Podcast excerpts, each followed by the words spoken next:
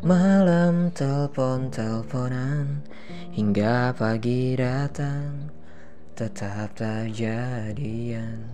Pranjon itu emang anjing banget. Maksud gue kayak Ngebangun chemistry itu gak mudah. Oke lah, sekarang ikatan itu gak terlalu penting-penting amat Apalagi di dunia jaksel yang sering aja bilang. Tapi ya rasa itu gak bisa dibohongin. Mau lo jungkir balik dan teriak gak apa-apa kok Yang penting kita masih berteman baik. Gue tahu itu bullshit doang men.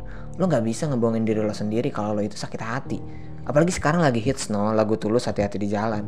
Fix no debat, pakai earphone di pojokan kamar lo, matiin lampu, play lagu itu terus dan nangis. Emang Perenjon itu anjing banget men. Maksud gue kayak Apalagi ngeliat dia bersama orang lain gitu Itu nyesaknya bener-bener masuk gitu.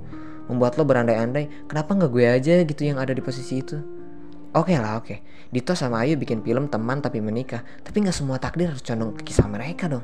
Ada juga yang memang ditakdirkan tidak bersama. Kayak minyak dan air yang gak bisa nyatu Dan kayak pernikahan artis yang gak pernah lama. Eh maksud gue gak semuanya juga ya. Tapi Perenjon itu emang fuck banget men. Menurut gue emang kita tuh nggak bisa maksa buat bersikap biasa aja padahal keadaannya lagi nggak baik-baik aja. Maksudnya tuh kayak langka gitu seseorang yang emang terjebak di situasi seperti ini kayak minyak goreng maksudnya digoreng gitu digoreng hatinya. Kalau telat ngangkat kan jadi gosong juga. Belum ada solusi gitu buat masalah prenjon sampai sekarang.